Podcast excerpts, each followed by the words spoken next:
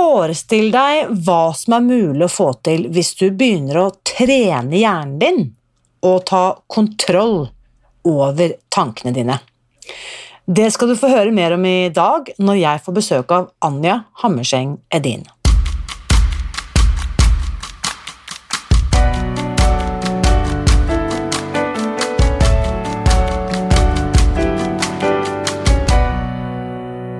Anja Hammerseng Edin er en av Norges beste håndballspillere gjennom tidene.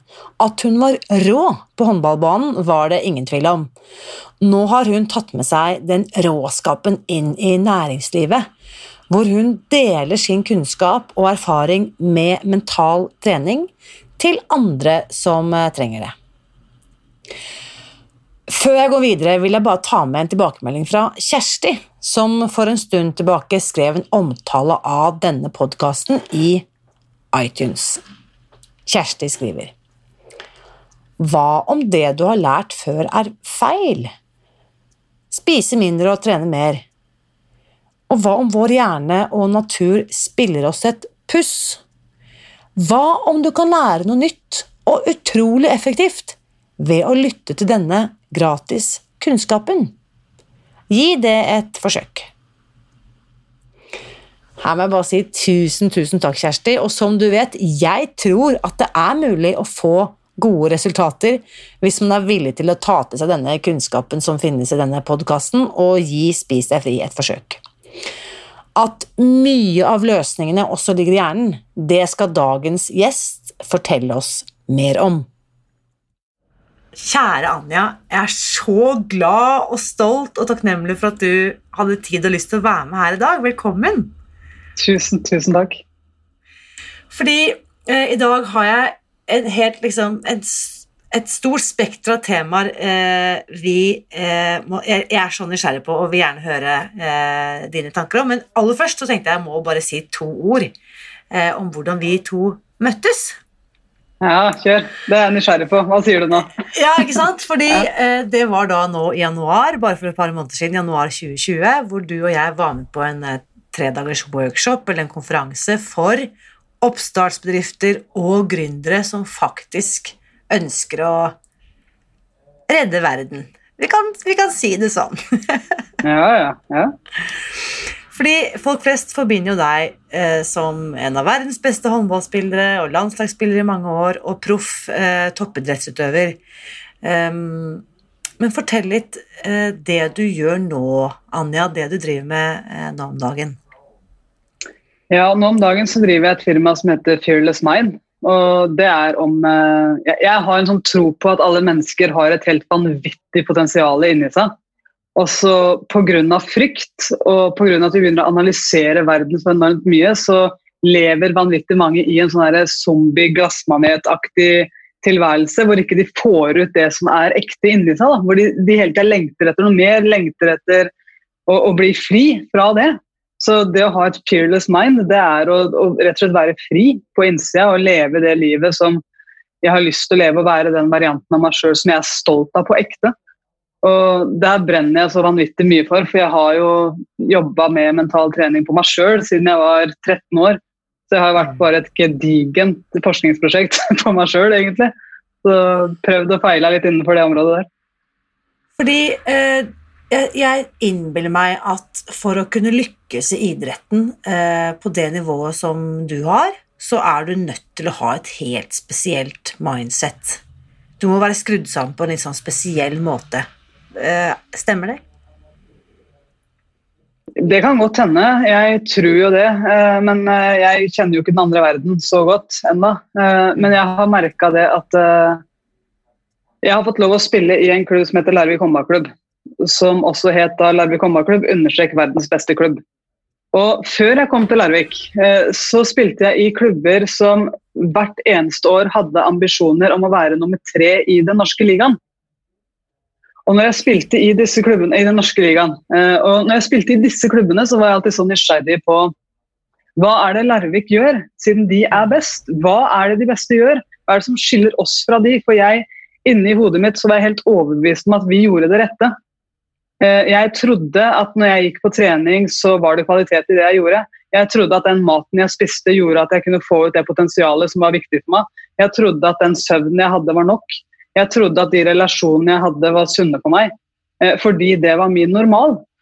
Mm. Og så får jeg tilbud fra Larvik håndballklubb, og jeg kjenner at jeg får så puls. Jeg blei så nervøs, jeg følte meg så liten. Jeg følte ikke at jeg passa inn der. Jeg vet ikke om du har oppdaga at plutselig så kommer du inn i et miljø med masse mennesker som egentlig er langt over mm. ditt eget nivå. Da, hvor jeg følte at her, eh, her er det mange mennesker som er mye bedre enn meg. Og så samtidig så var jeg veldig nysgjerrig på men hvorfor har de blitt det? Mm. For vi har jo trent ca. like mange timer. Og, og, hva er forskjellen? Og når jeg begynner å se på detaljene, når jeg begynner å omgi meg med mennesker som har lyst til å være på det nivået jeg har lyst til å være på, og som kanskje faktisk også er mye bedre enn meg, når jeg begynner å omgi meg med de menneskene, så begynner jeg sjøl å adoptere deres atferd og vaner.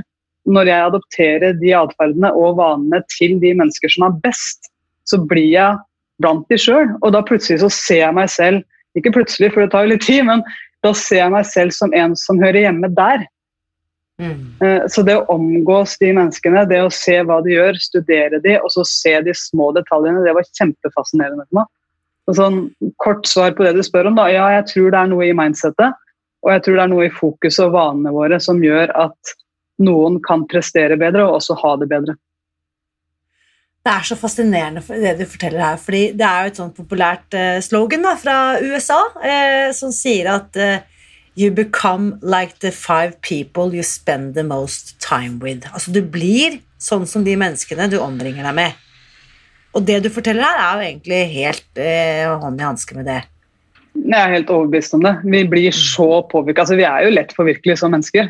Eh, og definitivt, jeg er kjempeselektiv med de menneskene jeg omgås. Og hva jeg fòrer hodet mitt med, og spesielt nå som det er en krise i samfunnet vårt. da. Mm. Hva er det jeg fòrer hodet mitt med nå? Altså Den lærdommen jeg fikk når jeg kom inn i Larvik håndballklubb og så at måten jeg fòra hodet mitt på, det gjorde meg til en bedre spiller. Den samme teknikken bruker jeg jo nå i livet mitt for å bli en bedre samfunnsborger. da. Så hva er det jeg fòrer hodet mitt nå? Er det korona minutt for minutt, eller er det videoer som inspirerer meg, lære noe nytt, gå ut og prate om samtaler som faktisk engasjerer meg? Jeg gjør jo akkurat det samme, bare i en annen arena. Ja, for eh, når dette blir spilt inn, så er vi midt i koronakrisen. Altså, dette er liksom red alert på alle kanter. Ingen av oss vet ennå hvordan dette kommer til å utspille seg. Vi vet ikke hvordan vi selv kommer til å bli påvirket, om det er noen av våre kjære lærere som vil bli rammet av dette. Og det å stå i den usikkerheten, Anja eh, Vi snakket så vidt om det rett før vi satte i gang opptaket her. Jeg kjenner jo på det selv. Mm. Den eh, Det er nesten som jeg hele tiden har eh, angsten ved min side, og jeg kan velge å tilbringe tid og dyrke den. Og så har jeg også alle mulighetene og løsningene og roen og på en måte tryggheten på min andre side.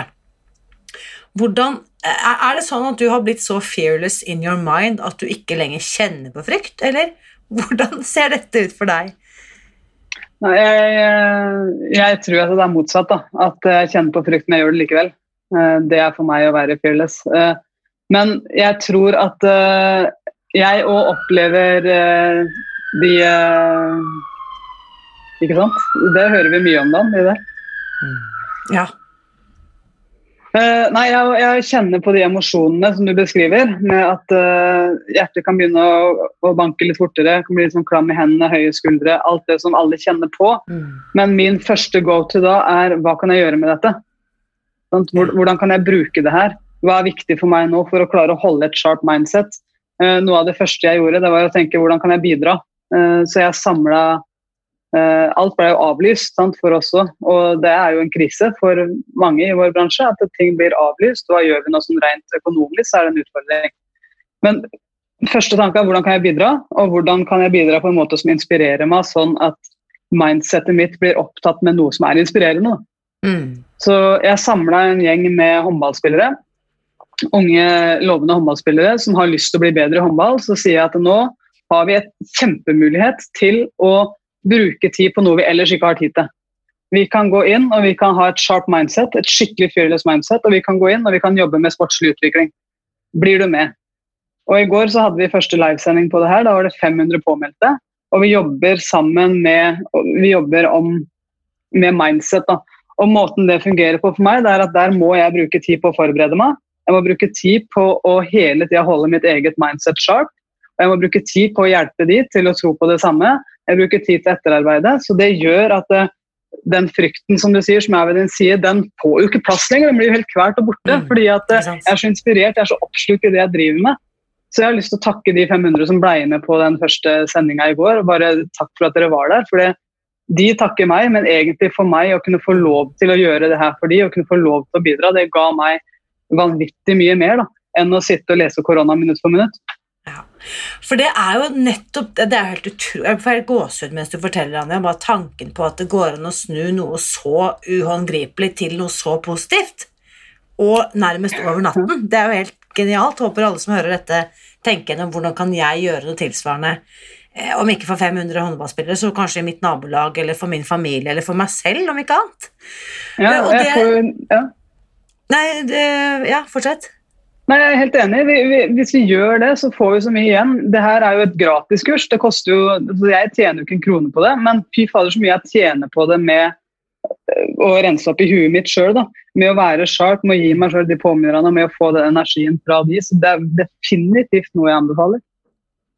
Og det som jeg også syns er interessant i det du forteller, det er at vi alltid har et valg.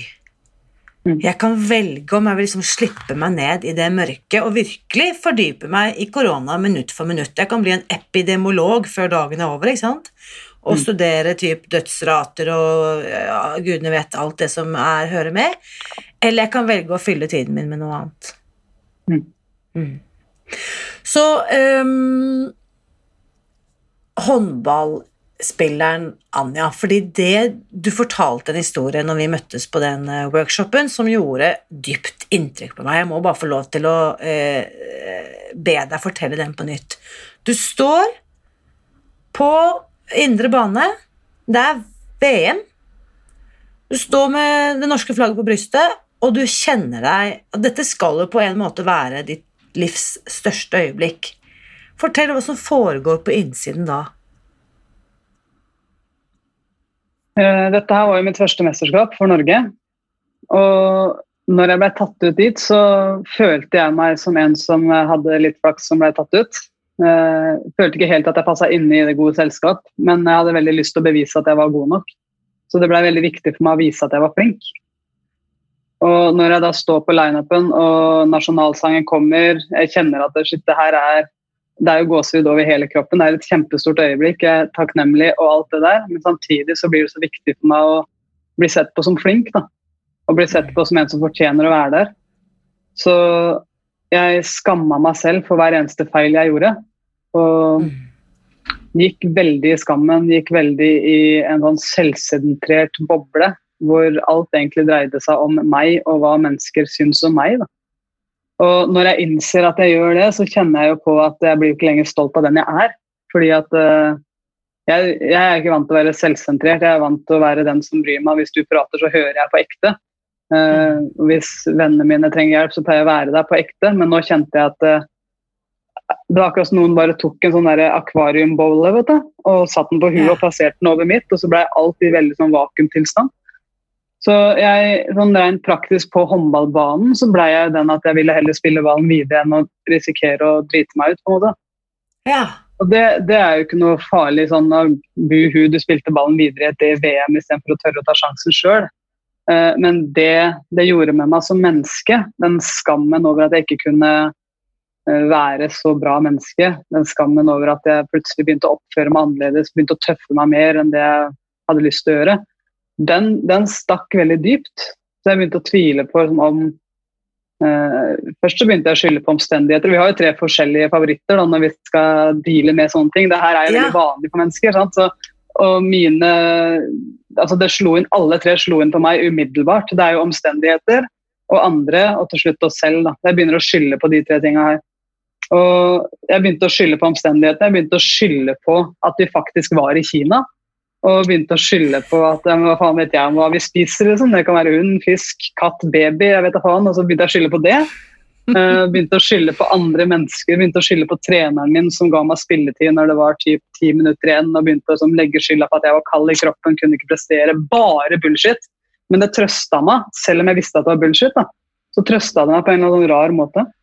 Men til slutt, når jeg er ferdig med omstendigheter og andre mennesker og legger skylda på andre ting på utsida av meg sjøl, så begynner jeg jo med meg sjøl og straffer meg sjøl og tviler på meg sjøl. Da blir den stemmen i huet som vi alle sammen har, da.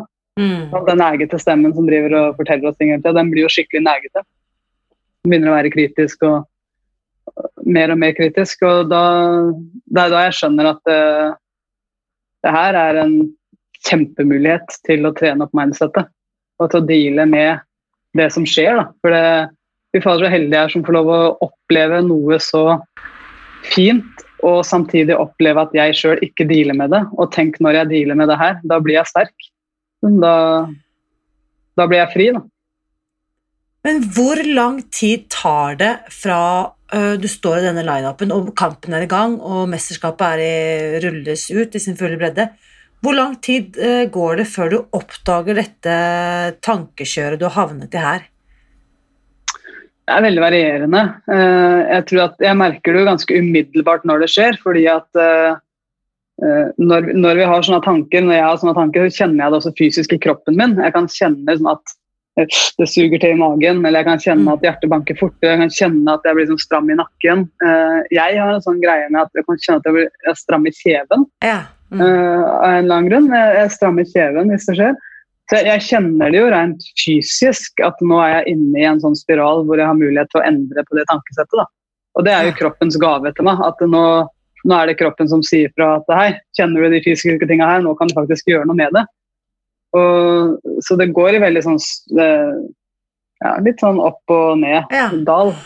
Og når du oppdager det og identifiserer at ok, nå er jeg i en state of mind som ikke eh, hjelper meg, hva er det du switcher først? Hva er det du eh, Jeg prøver bare å hacke liksom løsningen, ikke sant? Hva, hva, er det du først endrer?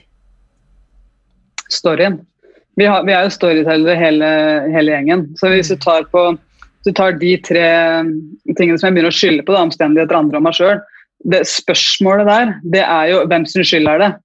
Hvorfor ble det sånn som det ble, og hvorfor er jeg så mislykka? De tre spørsmåla, når de går på repeat, så lager jeg jo historier i hodet mitt som finner yes. svar på det. Og jo mer jeg graver og kverner på de historiene og finner flere og flere svar på de spørsmåla, så tror jeg på det til slutt. For det er jo sånn hjernen vår er designa, at jo mer vi forankrer de historiene vi forteller oss sjøl, jo mer blir de sanne. da. Mm. Uh, men det som egentlig er sant, er at akkurat nå så står du og jeg her og prater til hverandre. Altså det, det, er det som egentlig er sant, og så skjer det vanvittig mye oppi her. Men så, så, bare det å switche spørsmål, sånn at jeg får andre historier å forholde meg til, det er sånn, for meg go to nummer én, altså fokusendring. Ja. Så fokus f.eks. nå, eh, korona nå, da. Ok, det her er faktisk sannheten. Akkurat nå så er det sånn. Hva er mulighetene nå? Hva er det første jeg kan gjøre? Hva trenger jeg å fòre hodet mitt med nå for å bli inspirert? Mm. Hvilke samtaleemner vil det gagne seg for meg å ha med de rundt? Hvordan har jeg lyst til å påvirke de menneskene rundt meg? Hvordan vil jeg at du skal føle deg når vi er ferdig med den samtalen her i dag? Mm. Ved å stille sånne typer spørsmål så får jeg helt andre svar. Og jo mer jeg terper rundt på de svarene der, sånn, jo mer er det den bobla der jeg er i. da. Så av og til så trenger jeg å gå så dypt at jeg bare så, rett og slett bare endrer spørsmål. Men den råeste øvelsen jeg gjør, det er jo fokus, fokusøvelsen. Hvor jeg bare jeg registrerer at Du ser på den her, da. Det her er en, eh, et iPod-intervju. Nei, intervju. Etui. Et, etui, ja. Mm. etui, etui. Eh, hvis eh, tankene våre vandrer litt sånn som en vindusvisker, sant? så når jeg er her og nå, så er det etui rett fram.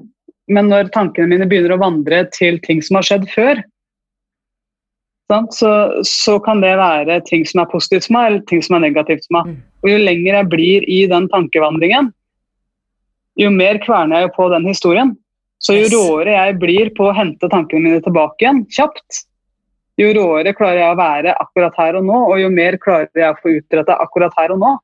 Mm. Og det er ikke vanskelig å være akkurat her og nå, for akkurat her så, så er vi og prater sammen. Sånn, det som begynner å bli vanskelig, det er hvis jeg begynner å tenke på konsekvenser om ting som skal skje. Ja eller ting som har skjedd, før jeg kommer tilbake. Så jeg driver en sånn øvelse der jeg bare lukker igjen øynene mine, og så ser jeg på meg enten at jeg bare puster ut og inn og registrerer hva som skjer i kroppen min, eller uh, har uh, fokuset mitt på hjertet mitt og området rundt hjertet. Mm. Og så, så, bare har jeg fokuset der helt fram til jeg registrerer at tankene mine vandrer enten til fantasier eller minner. Da. og med en gang tankene mine har vandra, så er liksom leken jeg har for meg sjøl, det er at jeg skal være rå på å hente fokuset tilbake igjen til det stedet. Og da gir jeg meg sjøl ett poeng. Da jeg er konkurransemenneske, så jeg digger jo å vinne. Jeg skal liksom vinne over meg sjøl. Jeg skal registrere ok, hvor mange ganger har jeg klart å hente meg tilbake nå. Altså, så, mm. så, jeg. Så den øvelsen gjør jeg hver eneste dag nå. Sånn for å være rå på å hente fokuset tilbake, for ja. ikke bli værende i en eller annen negativ dagdrømming eller et eller annet sånn kjipe minner og sånn. Men hente fokuset tilbake igjen, og så tar jeg heller kontroll over Nå vil jeg fantasere om noe som jeg har lyst til at skal skje i framtida. Eller nå vil jeg hente fra noen gode minner fra fortida, men da har jeg kontrollen over det. Så minner og fantasier er også fantastiske verktøy, men bruk det bevisst. da. Ikke sant. Eh, tankene våre er mektige våpen, misbruk dem ikke. eh, og det er jo noe med at det, det du beskriver eh, Jeg har jo kunne fortalt, det tror jeg vi alle kan, lassevis av historier om hvordan jeg skyldte på andre, alt annet, og hadde det ikke vært for det lyset, eller hadde det ikke vært for den veggen, eller hadde det ikke vært for det landet, som du sa, så hadde alt vært bra. Og så oppdaget jeg også det motsatte da jeg endelig skjønte at den eneste fellesnevneren i at jeg har det så jævlig, og alle de menneskene eneste som går igjen i alle disse historiene, er jo søren meg meg selv. Ikke sant? Det er, det suger. Det, det er veldig kjipt. jeg måtte bare slutte med alle de der eh, fingerpointing. Og så ser jeg liksom at Når jeg peker på deg, så er det faktisk tre fingre som peker tilbake på meg selv. Kanskje liksom verdt å tenke, ta det hintet. Men det, oppsiden av det er jo at hvis jeg velger gi fra meg privilegiet da, det er å være et offer i mitt eget liv, så mm. kan jeg faktisk bli helten i mitt eget liv. Og mm. da er det jo helt Sånn som du også sier, uante ubegrensede muligheter. Mm. Har du eh, noen eksempler på Jeg vet at du jobber med Du jobber jo i Larvik håndballklubb, ikke sant? Eh, som mm. eh, Og med Jeg vet ikke om talentutvikling er det rette ordet, men du, du jobber jo med unge, lovende håndballspillere. Mm. Har du noen eh, typ sånne historier om Håkon eller Kari eller Petter eller Mari som satt fast i en eller annen sånn opplevelse, og ved enkle grep har fått helt andre resultater? Ja, hele tida. Uh, mm. de, og det er det, det er det, som driver meg. At det er uh, men, men, det å gjøre mennesker nysgjerrig på detaljer, sånn det kan jeg si på generelt grunnlag, da, at uh, det å gjøre spillere nysgjerrig på detaljene, og det å se at det er en årsak til absolutt alle resultatene du får, mm. Den årsaken den kan vi gå inn og så kan vi studere den istedenfor å skamme oss over den. Så kan vi gå inn og se hva er det som gjorde at mm. når hjørnet er her, så går ballen litt på utsida. Hva er det som gjorde at du skjøt på utsida i det skuddet? Hva er det som gjorde at du traff helt strålende i det andre skuddet? På et eller annet har du gjort forskjellig fra de to skuddene.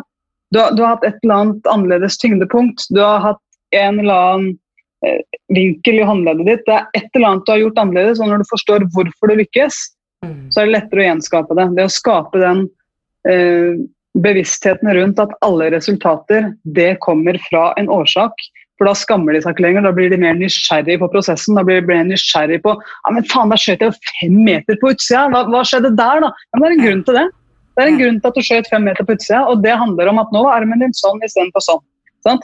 Hva, hva er det du gjorde, hvordan kan vi gå inn og justere på det? Og Da skammer de seg ikke lenger, da blir de mer nysgjerrige. og De historiene der de syns jeg er fete, fordi de går så langt utover håndballbanen. Det her er jo verktøy som de kan ta med seg i livet generelt, og det er det som gjør meg stolt. Det er det, det, er det som er det store, det å fungere som menneske, egentlig. Og det er så glad for at du også nevner dette. Det handler ikke om prestasjon på håndballbanen eller eh, toppidretten eller hvor man nå bruker disse teknikkene. fordi de som kommer til dere i selskapet Fearless Mind, det er ikke bare toppidrettsutøvere. Eh, hvem er det, du, hvem er det dere hjelper? Akkurat nå så er det Det er jo selvfølgelig jo toppidrettsutøvere, men det er jo selgere, ledere, foreldre har vi. Og jobbsøkere har vi hver mandag. Så vi har, eh, det er, det er et sånn nydelig hav av ulike mennesker med ulike behov, men felles for alle er at de har lyst til å jobbe med mindsettet sitt. De vet at de har mer å gå på, de vet at de har lyst til å få ut potensialet sitt. Og, det er det som er vårt krav tilbake, da, at vi jobber ikke med de som vil det her litt. Så vi er ikke ute veldig ofte og flagger eh, reklame for hva vi driver med for å få flest mulig inn. Vi vil ha inn de som, eh, som har den sulten i seg. De som har den samme passion som oss, der de er gira på å gå inn og faktisk heve standarden sin.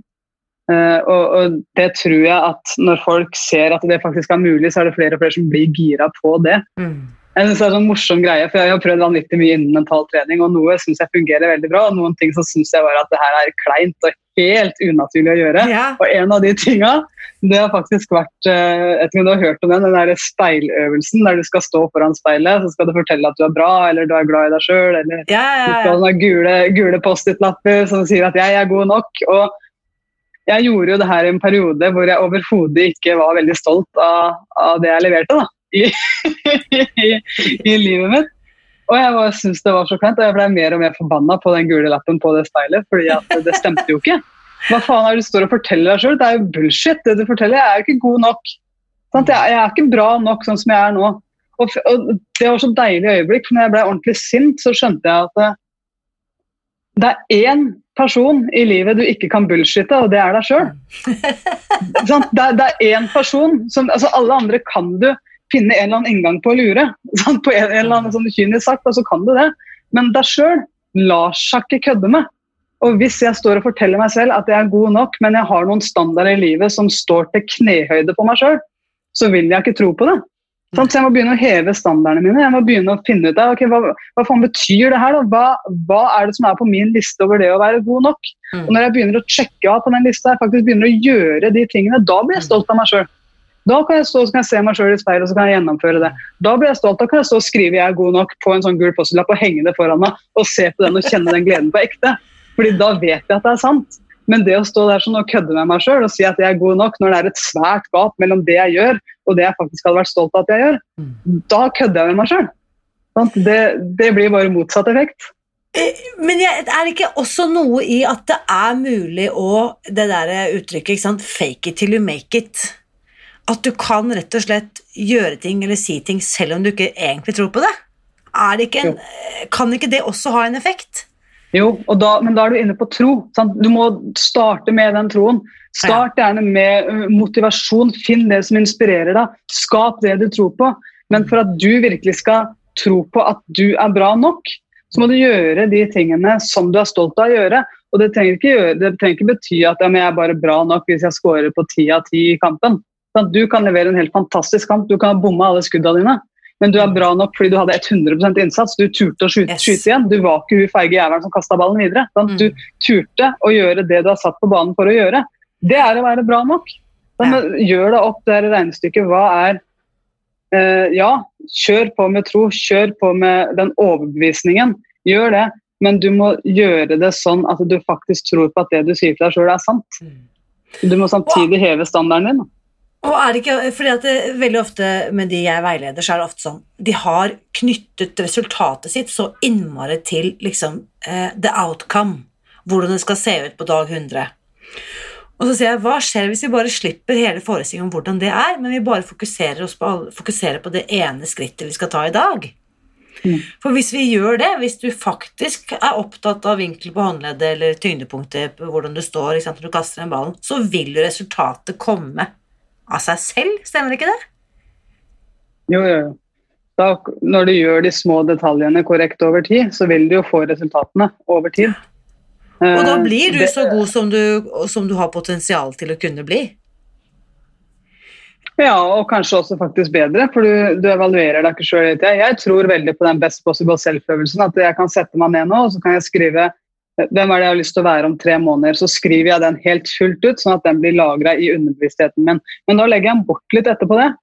Sant? Og så begynner jeg å chunke den ned til ok, hva betyr det her for dagen i dag? da? Hva gjør jeg i dag da? For at det skal skje. Og så går jeg inn på de detaljene som dagen i dag krever. Hvis jeg har lyst til å være skjønn, så vet jeg at det krever at jeg legger meg klokka ti på kvelden. Jeg har en sønn mm. som står opp 06.00. Ja. Uh, og, og, hvis jeg da vet at hvis jeg skal være på mitt beste, og ikke hele tida få sug etter snop, eller hele tida bli en som snapper til de rundt meg, så trenger jeg nok søvn. Og det innebærer at jeg må legge meg klokka ti, og det av og til innebærer at jeg må ta noen samtaler med mennesker som kommer på besøk til meg. At jeg syns det er nydelig at du er her, men jeg må legge meg nå.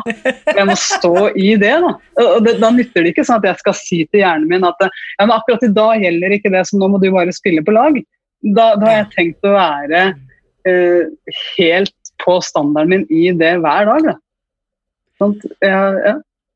Fordi det du beskriver her, er jo også noe veldig mange av de av oss som velger å gjøre endringer, eh, til dels drastiske endringer rundt mat og kosthold. Det er jo Én ting er den indre stemmen som kan sette i gang, men en annen, ting er, en annen ting er jo alle de eksterne stemmene som skal mene og synse noe om de valgene du gjør. Og mm. da er vi over i grensesetting. Hvor viktig er det eh, for å kunne lykkes med å endre eget tankesett? Det tror jeg er kjempeviktig. Vi, vi, er jo sosiale dyr, og vi trenger mennesker rundt oss hele tida. Og jeg har jo vært borti en kjempehistorie som jeg kom på når du fortalte det der. Det er om Jeg har mange lag nede i senteret vårt. Vi har et treningssenter her nede for mental trening som er designa for mental trening, og der har vi lag innimellom. Og der der var det en 16-åring som var sammen med laget sitt, da, som spurte om hun kunne prate med meg etterpå. For da hadde hun blitt tatt ut til en landslagssamling. Og så hadde jeg gått inn, på, inn i sånn felles garderobe med sånn felles doer med mange sånne båser. Og så hadde jeg hørt, eh, når hun satt på do, da, at eh, noen av lagvenninnene kom inn og sa at eh, fy faen, tror ikke hun er tatt ut av. Hva er det hun mm. tror hun er? Ja, hun får ikke være med på den festen til fredag og så går de ut igjen. Og så ender det opp med at denne 16-åringen som har hørt det her, hun eh, takker nei til landslaget, setter sine egne drømmer på vent. Og så går det 14 dager, og så er en av de andre som prata på den doen, tatt ut, for hun var reserve for henne. Da. Oh, så da takker jo hun ja. Og, og, det er faktisk så hardt uh, at jeg vil heller overleve sosialt i min gjeng enn å gå for mine egne drømmer. Og det tror jeg ja, det gjaldt denne 16-åringen her, men det gjelder jo også voksne mennesker som ønsker å gå ned i vekt. At uh, jeg vil heller ha en sosial overlevelse her på denne festen eller her i min vennegjeng, enn å faktisk tørre å fortelle om mine drømmer. Så vi gikk gjennom litt sånn uh, step by step. Da, hva ser for deg at det er som skjer nå når du er 16? Og plutselig så får du deg kjæreste, og så begynner vennene dine å si at ok, nå får ikke du være med han eller hun, for nå da driter du i oss, og så plutselig så får du deg jobb, og så lar du andre mennesker mm. hele tida påvirke livet så blir det din standard. da. At du må ta en check-in på hva andre mener før du kan gå etter dine egne drømmer. Mm. Så vi, vi, tok en sånn liten øvelse som jeg godt kan dele, som jeg syns var kjempefin på det. For da, det er noe med å ta med de nærmeste på din drøm og gi dem litt kred for det. Det å si at uh, Vet du hva, jeg, jeg har blitt tatt ut til denne samlinga. Og jeg kjenner at jeg er kjempenervøs, for jeg tror at en stor del av grunnen til at jeg ble tatt ut, det er at jeg har vært god sammen med dere. Dere er en stor grunn til at jeg har blitt tatt ut. Jeg skulle ønske at alle dere var der med meg. Det jeg trenger fra dere nå, det er at dere, dere backer meg, sånn at jeg kan være trygg når jeg er der. Kan dere være med meg på det her? Mm. Fordi jeg trenger fortsatt å ha flokken min der, og jeg vet at det, eh, det er ikke sikkert jeg kan være med på alle festene fremover. Det er ikke sikkert at jeg kan være med på alle samlingene fremover, men er det noen jeg trenger, så er det fortsatt den mm. tryggheten fra flokken min. Og, og, bare ved å øve seg Hun sier jo det her med sine ord og litt mer sånn faen helvete og sånn, men, uh, men det å øve seg på å ta de samtalene, det tror jeg at både unge og voksne lettere kan ta. Det, det å gi kred og si at nå jeg skal inn i noe som er krevende for meg. F.eks. jeg skal gå inn på programmet Spis deg fri. da og jeg vet at det kommer til å kreve vanvittig mye for meg. Og er det én jeg trenger å ha med meg på den reisa, så er det deg. Og jeg vet at noe av det som blir krevende, det er alle de sosiale settingene hvor mennesker eh, skal spise sammen eller drikke et glass vin sammen, eller hvor mye av det sosiale faktisk er mat. Da. Og kan jeg bare ta med deg på det her, for det vil betydd så mye for meg. Mm. Og du er en av de tillitspersonene jeg har. Men jeg tror at ved å, ved å, ta de samtalene litt sånn i fredstid, så tror jeg vi mm. sparer oss sjøl for mye vanskelige situasjoner etterpå. Da, ved å gi de menneskene rundt oss kred for den relasjonen vi faktisk har.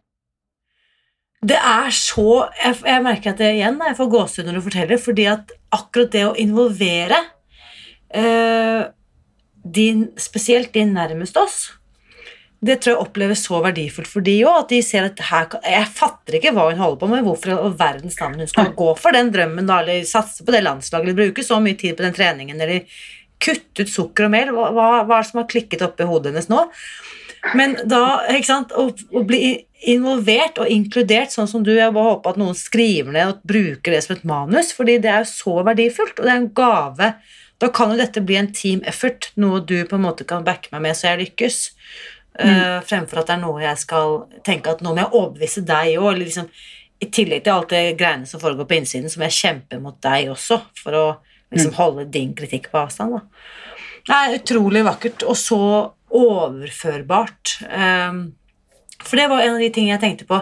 Hvem er det som har bruk for uh, mental trening? Men da nesten så har jeg lyst til å omformulere og si hvem er det som ikke har bruk for mental trening? Ja, jeg, eh, for min del så har det betydd vanvittig mye i livet, og det gjør det fortsatt. Jeg går ikke en dag uten, uh, for jeg vet at jeg er ikke ferdig utlært ennå, og jeg trenger det fortsatt. Jeg merker det. At eh, med en gang jeg blir mentalt sårbar, så kan jeg risikere å gå korona minutt for minutt, liksom. Hvis jeg ikke er bevisst. Altså, mm. Dere har jo kalt Fearless Mind for verdens første treningssenter for mental trening. Ikke sant? Ja, eh, det blei det faktisk i starten. Vi har gått litt bort fra det nå, for nå er det ikke et fungerende treningssenter. Men eh, det er det vi gikk ut med. at eh, Vi stussa over hvorfor finnes det ikke. Hvorfor, hvorfor er det ikke noen som har et treningssenter for mental trening der vi kan gå inn og fra tre til fire jobber vi med mindsetet vårt, fra fem til seks jobber vi med relasjonene våre, og fra sju til åtte så er det bare hype-inspirasjon. Hvorfor fins ikke det? Så vi skapte det, da. Men uh, så har det utarta seg mer til å bli litt mer prosjektbasert og litt mer uh, på kunder som er over lengre tid, da, noe vi også ja. er veldig veldig glad for. Men uh, den treningssenterideen den lever fortsatt, og jeg tror at hvis noen har lyst til å snappe den nå, etter at vi snakker om det her, så kjør, for vi trenger det. Jeg tror at verden trenger det. Det er jo helt Det er litt sånn som Hva heter de, da? Cutters gjorde med frisørbransjen. Nå bare tar vi sånn derre du kan bare stille deg i kø, sånn drive-through, liksom. Og det hadde vært fantastisk å kunne ha et, stopp, et stoppested hvor jeg kunne bare fått litt påfyll av mental uh, trening. Um, det var egentlig et kult konsept. Mental trening takeaway. Det var fett. Ja. Fordi, ja. Apropos, dere driver jo også med mye teknologi, altså gjør ting tilgjengelig med mobil, altså nett, eh, på nett, QR-koder. Fortell litt om verktøyene dere bruker helt sånn eh, teknisk, holdt jeg på å si. Ja, vi bruker, eh, vi bruker verktøy eh, som er synlig for øyet. Ja, du ser det vel her nå. Ja. Det, her er, det her er jo kontoret mitt, hvor jeg har bare hengt opp mennesker som inspirerer, altså bilder av mennesker som inspirerer meg. Mm. Ikke menneskene sjøl, heldigvis, men bare hengt opp de som, som inspirerer meg skikkelig, med quotes. Fortell, under, hvem, er, hvem, er, det vi ser? Fortell for de som ikke ser dette, men som bare hører det. Uh, nei, her inne så er det fire bilder akkurat nå av mennesker som virkelig virkelig inspirerer meg. Da. Han ene han heter Vishen Lakiani. Han er uh, founder of Mind Valley. Han uh, driver et online sted for mennesker som kan lære seg alt det vi ikke lærte på skolen, som er sunt for oss i forhold til mindset, helse, spiritualitet eh, jobb, ja, alt egentlig. Det er kjempe, Han samler de beste i hele verden, og så lager han online-kurs med de. Så Han har jeg gitt altfor mye penger til, men jeg har ikke angra et eneste sekund. Han, han, er en av mine helter. Han syns jeg er helt rå, så jeg kjøper han hele tida. Eh, bak her så er Michael Singer. Han, eh, han jobber veldig mye med pust, liksom buddhismetilnærming. Veldig mye fokus, den øvelsen som jeg tok i stad, i forhold til det å klare å være takknemlig å være her og nå. Da. Og så er det Michael Jordan, uh, som er en av mine store helter. Uh, som jeg elsker og fortsatt ser masse videoer av. Kjempeinspirasjon for meg. Og det bildet du har av der, der er han rett og slett overmenneskelig. Er det fysisk mulig å ja, dunke ball sånn som han gjør? Er det mulig? Ja, tydeligvis. Ja, for det er det som var kult med han. Han satt uh, en helt ny standard for hvordan man kan spille basketball. Han satt en helt ny standard for hvordan man kan trene og hvilken standard han kan ha for seg sjøl. Så han, eh, han, var sånn Jeg husker han sa at eh, hvis han bomma på et skudd, så sto han igjen i en time halvannen etter hver eneste kamp, og så bare skjøt han det samme skuddet om igjen, sånn at hjernen hans skulle skjønne hvordan det egentlig skulle utføres. Det syns jeg er fett. da. Eh, så det, det mindsettet der, det, det, er ganske heftig. Og så er det Buddha, så er det Buddha bak her, da. Ja, ja, ja. Fantastisk. For det, det, minner oss på hjertet vårt. Det trenger vi. Mm. Det trenger vi. Jeg så i stad også når du snakket om å bringe oppmerksomheten tilbake, så tar du faktisk fysisk hånden din og, og legger på hjertet ditt. Ja. Uh, så uh, jeg er nysgjerrig. Du fortalte jo ikke sant? Du er jo gründer, har vi snakket om. Ikke sant? Du har to uh, barn, to gutter. Du er gift med Gro. Du er kjæreste, ektefelle, mor, sjef, kollega, trener.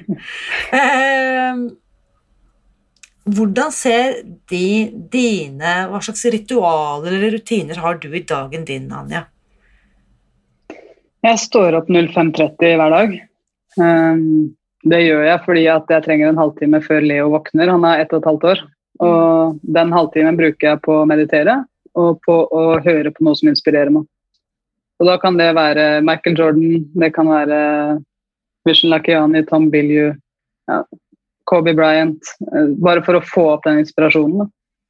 Så våkner Leo, da er det dønn kvalitetstid med han fram til klokka halv åtte. Da våkner Mio og Gro. Og sånn går da dagene.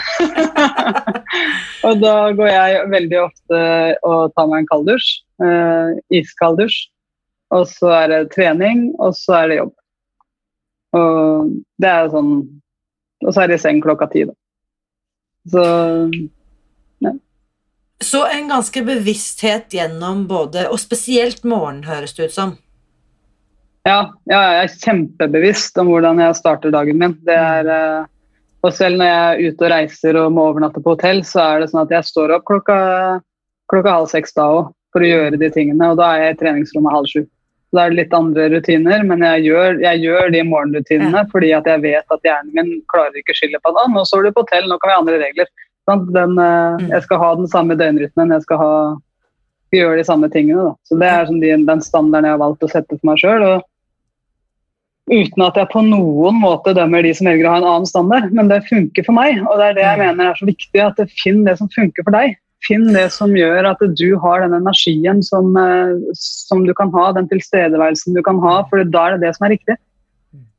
Og jeg tenker sånn, for jeg har jo også masse rutiner, og det som jeg tror er kanskje vanskelig å skjønne sett utenfra, er hvor befriende det er å ha et sett med regler eller rutiner.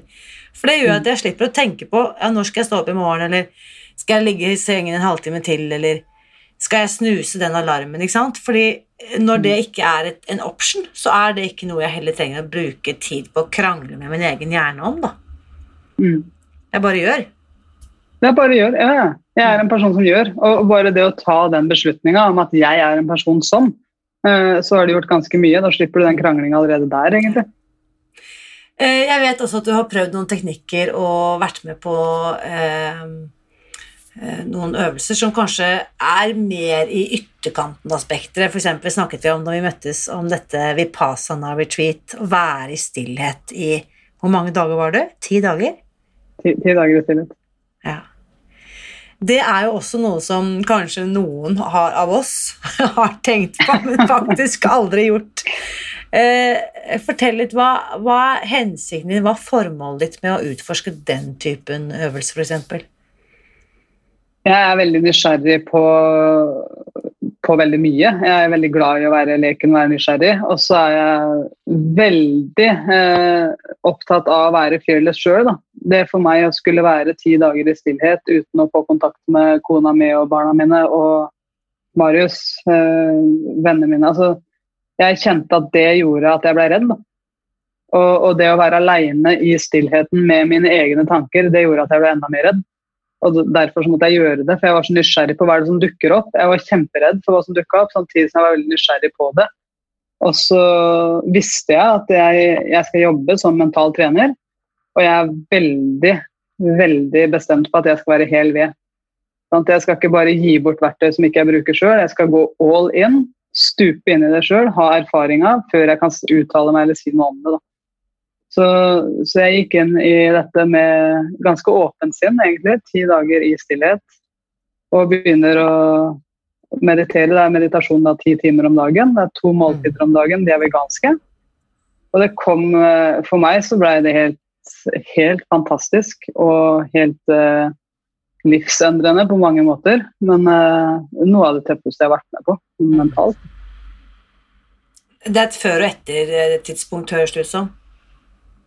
Ja, det er uh, det er ikke noe annet i livet som har gitt meg den innsikten som Vipassana gjorde. For det er, det er, evnen til å se ting sånn som det faktisk var og faktisk er, og ikke sånn som hjernen min har fargelagt det. Og det var en veldig stor gave å få. Og det å gi slipp på Jeg, jeg merka faktisk noen ting som ikke jeg var stolt av, men jeg merka at jeg tydeligvis har et veldig kontrollbehov som jeg måtte gi slipp på. Jeg hadde mange fluktveier som jeg måtte gi slipp på. Og, og, det å legge merke til de tingene med meg sjøl, registrere nå er jeg der, jeg kan gi slipp, det er ok. Det er ok. Det er ok. Det, det hjelper meg veldig. Og ja, det har betydd så enormt mye. Jeg har tatt det, har tatt det med meg i typ sånn helt umulige situasjoner da, i livet etterpå. Mm. Jeg hadde en uh, episode nå i høst med en veldig veldig nær person av meg som fikk kreft. Som det var veldig heftig mm heftig periode, da, sånn som det ofte er. Og den treninga i at ja, jeg er redd, eh, ja, jeg er lei meg, og alt det der sånn, samtidig som jeg eh, som jeg trener på å tenke ok, men akkurat nå så er vi to her og vi drikker kaffe sammen. Mm. Det å se ting for det som faktisk er, og ikke leve i minner og fantasier, da, det hjelper meg veldig. Så det har vært veldig Det har vært sterke, sterke episoder. Mm.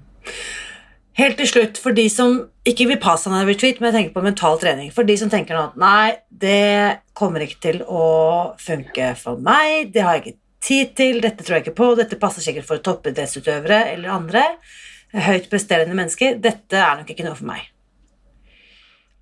Um, hva, hva vil du si til han eller henne som hører dette og tenker det? Jeg vil si at jeg tror det kommer til et tidspunkt hvor du kommer til å kjenne på en nysgjerrighet. Hva hvis jeg gjorde det her? Hva hvis jeg undersøkte det? Hva ville vært mulig da? Og når det tidspunktet kommer, så kan de sjekke ut det vi tilbyr på Fearless Mind. Jeg tror at uh, en eller annen gang så kommer de til å bli nysgjerrige fordi livet vårt serverer oss mye rart. Og jeg tror at vi alle sammen har et sånt lite barn inni oss som lurer på er det mer. Mm. Så hva mer er det om fem år, eh, Anja? Hvor er du da? Hvis du, ikke sant? du elsker utvikling, sier du. Eh, mm. Og det tror jeg deg på. Eh, hvor er du om fem år? Akkurat nå så har jeg en drøm om å være her og gjøre det jeg gjør nå. For jeg lever det livet som er mitt drømmeliv akkurat nå. Og jeg kom hjem til en kjæreste som jeg fortsatt er forelska i etter ti år. Jeg har to barn som jeg er superheldig som har fått lov å ha. Eh, vi lever i et land hvor det er mulig. Jeg har drømmejobben hvor jeg er inspirert hver eneste dag. Og mm. det å få lov å fortsette å gjøre de tingene her, få lov å fortsatt hjelpe mennesker med mental styrke og et fearless mindset, det er det jeg brenner for. Og det, det er det jeg har lyst til å gjøre om fem år òg. Oh, fantastisk. Jeg kommer til å stå på første linje på sidelinjen og bare heia! Heia! Anja, eh, tusen takk for en fantastisk prat. Og eh, jeg bare ønsker at alle dine og alle mine og alle lytternes eh, ønsker går i oppfyllelse. Ja, takk, og jeg ønsker deg alt mulig lykke videre. Vi har jo boka di hjemme, og det, det, også er gøy. da. Det hadde Jeg jo, jeg visste jo hvem du var når vi møttes første gang. For jeg hadde jo lest boka di og, og sammen med kona mi òg. Så veldig, veldig spennende. Jeg tror veldig på det dere gjør. Jeg tror det er på tide at verden våkner opp og skjønner at uh, vi er en enhet. At uh, det vi dytter i oss, og både av mat og input, det har noe å si for hvordan vi har det. Yes, det er så sant, ass. Så hvis du ikke tror på meg, så tro på Anja. Og det vi spiser, det påligger faktisk tankene våre. ja, det gjør det. Ja. Vi snakkes snart, Anja. Tusen ja, takk for fantastisk prat.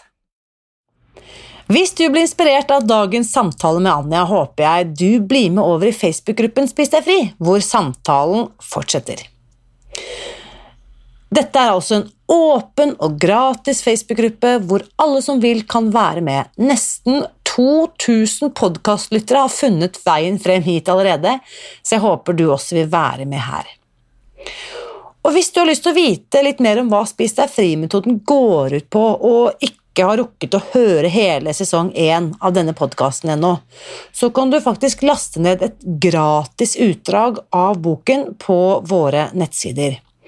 Da går du bare til spisdegfri.no minibok og legger inn din e-postadresse. Så sender jeg deg forordet og de første kapitlene av denne boken helt gratis. Eh, du går altså til spisdegfri.no minibok. Og neste søndag da får jeg besøk av Bente Josefsen, som er ekspert på sukkeravhengighet. Den samtalen gleder jeg meg til at du skal få høre, for Bente setter nemlig ord på hvorfor noen av oss har trøbbel med å begrense inntaket av sukker, så kom tilbake hit neste søndag. I mellomtiden blir jeg kjempeglad hvis du vil skrive en omtale av dagens episode i iTunes, for som jeg ofte sier, mitt motto er at gode nyheter er skapt for å deles. Og når du skriver en omtale av denne podkasten i iTunes, gir du flere muligheter for at andre skal kunne finne den, så tusen takk for hjelpen. Husk også at jeg heier på deg. Alltid.